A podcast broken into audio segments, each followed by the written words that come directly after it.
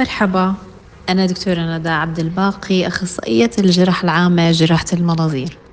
حابة أحكي لكم إنه راح أصير متواجدة في عيادات الداخلية للمركز العربي الطبي. فحابة أحكي لكم عن الخدمات اللي بنقدمها بالعيادة أو إيش الحالات المرضية اللي بنعالجها.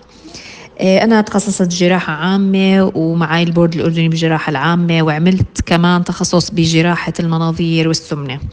ففعليا أي أمراض أو مشاكل تتطلب تداخل جراحي زي آه، إزالة المرارة إزالة الزائدة الدودية عمليات اللي بتشمل الإفتاء مثلا إفتاء الإربي فتق الحجاب الحاجز آه، عمليات الارتداد المريئي كلها هاي الحالات بنقدر نعالجها عن طريق المنظار. وكمان نقدر نعالج الحالات اللي زي المشاكل الشرج والمستقيم زي شق الشرجي البواسير النواسير الدمامل بأي مكان بالجسم.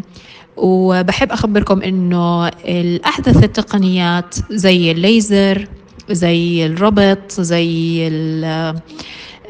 جهاز المكبس هاي الأشياء كلها بنقدر نستعملها في حالات البواسير.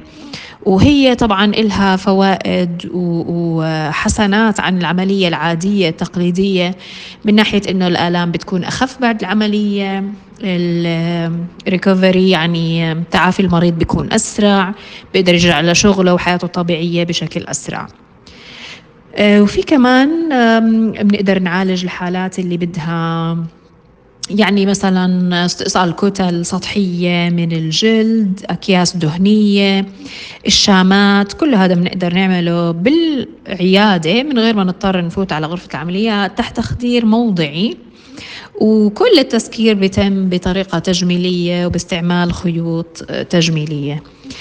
آه كمان بحب أحكي لكم إنه عملية ربط البواسير بنقدر نعملها بالعيادة بدون ما نضطر يضطر المريض يدخل على المستشفى ونعمل له تخدير عام. آه بالإضافة لكل هاي الخدمات آه برضه بنقدر نعمل عمليات آه، قص المعدة وتحويل المسار مشان علاج السمنة ومشاكلها.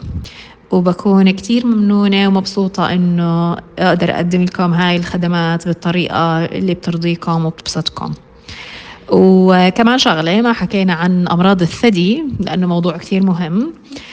آه برضو مشاكل الثدي سواء أورام حميدة أكياس ألم مزمنة بالثدي كلها هاي الحالات. حتى الأورام إذا في كتل بحاجة لتصوير بحاجة لخزعات آه، كل هذا إن شاء الله بنقدر آه، نتصرف معه وبشرفنا تزورونا لأي سبب. وإن شاء الله بنكون عند حسن ظنكم ويومكم سعيد.